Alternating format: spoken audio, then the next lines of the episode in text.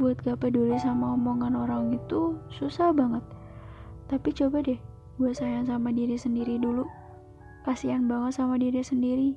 Kalau terus-terusan dengerin apa kata orang lain yang sering banget ngejatuhin.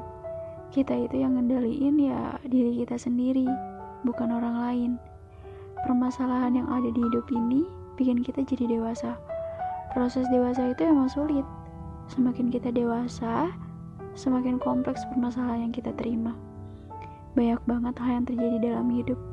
Kita sebagai manusia gak akan pernah lepas dari rasa kecewa, sedih, marah, luka, dan sebagainya. Wajar kalau kita ngerasa kurang nyaman pas lagi jalanin hidup.